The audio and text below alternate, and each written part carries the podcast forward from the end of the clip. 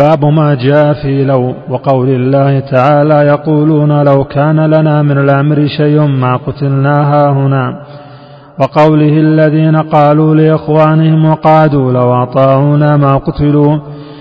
في الصحيح عن أبي هريرة رضي الله عنه أن رسول الله صلى الله عليه وسلم قال احرص على ما ينفعك واستعن بالله ولا تعجزن. وإن أصابك شيء فلا تقل لو أني فعلت كذا لكان كذا وكذا ولكن ولكن قل قدر الله وما شاء فعل فإن لو تفتح عمل الشيطان.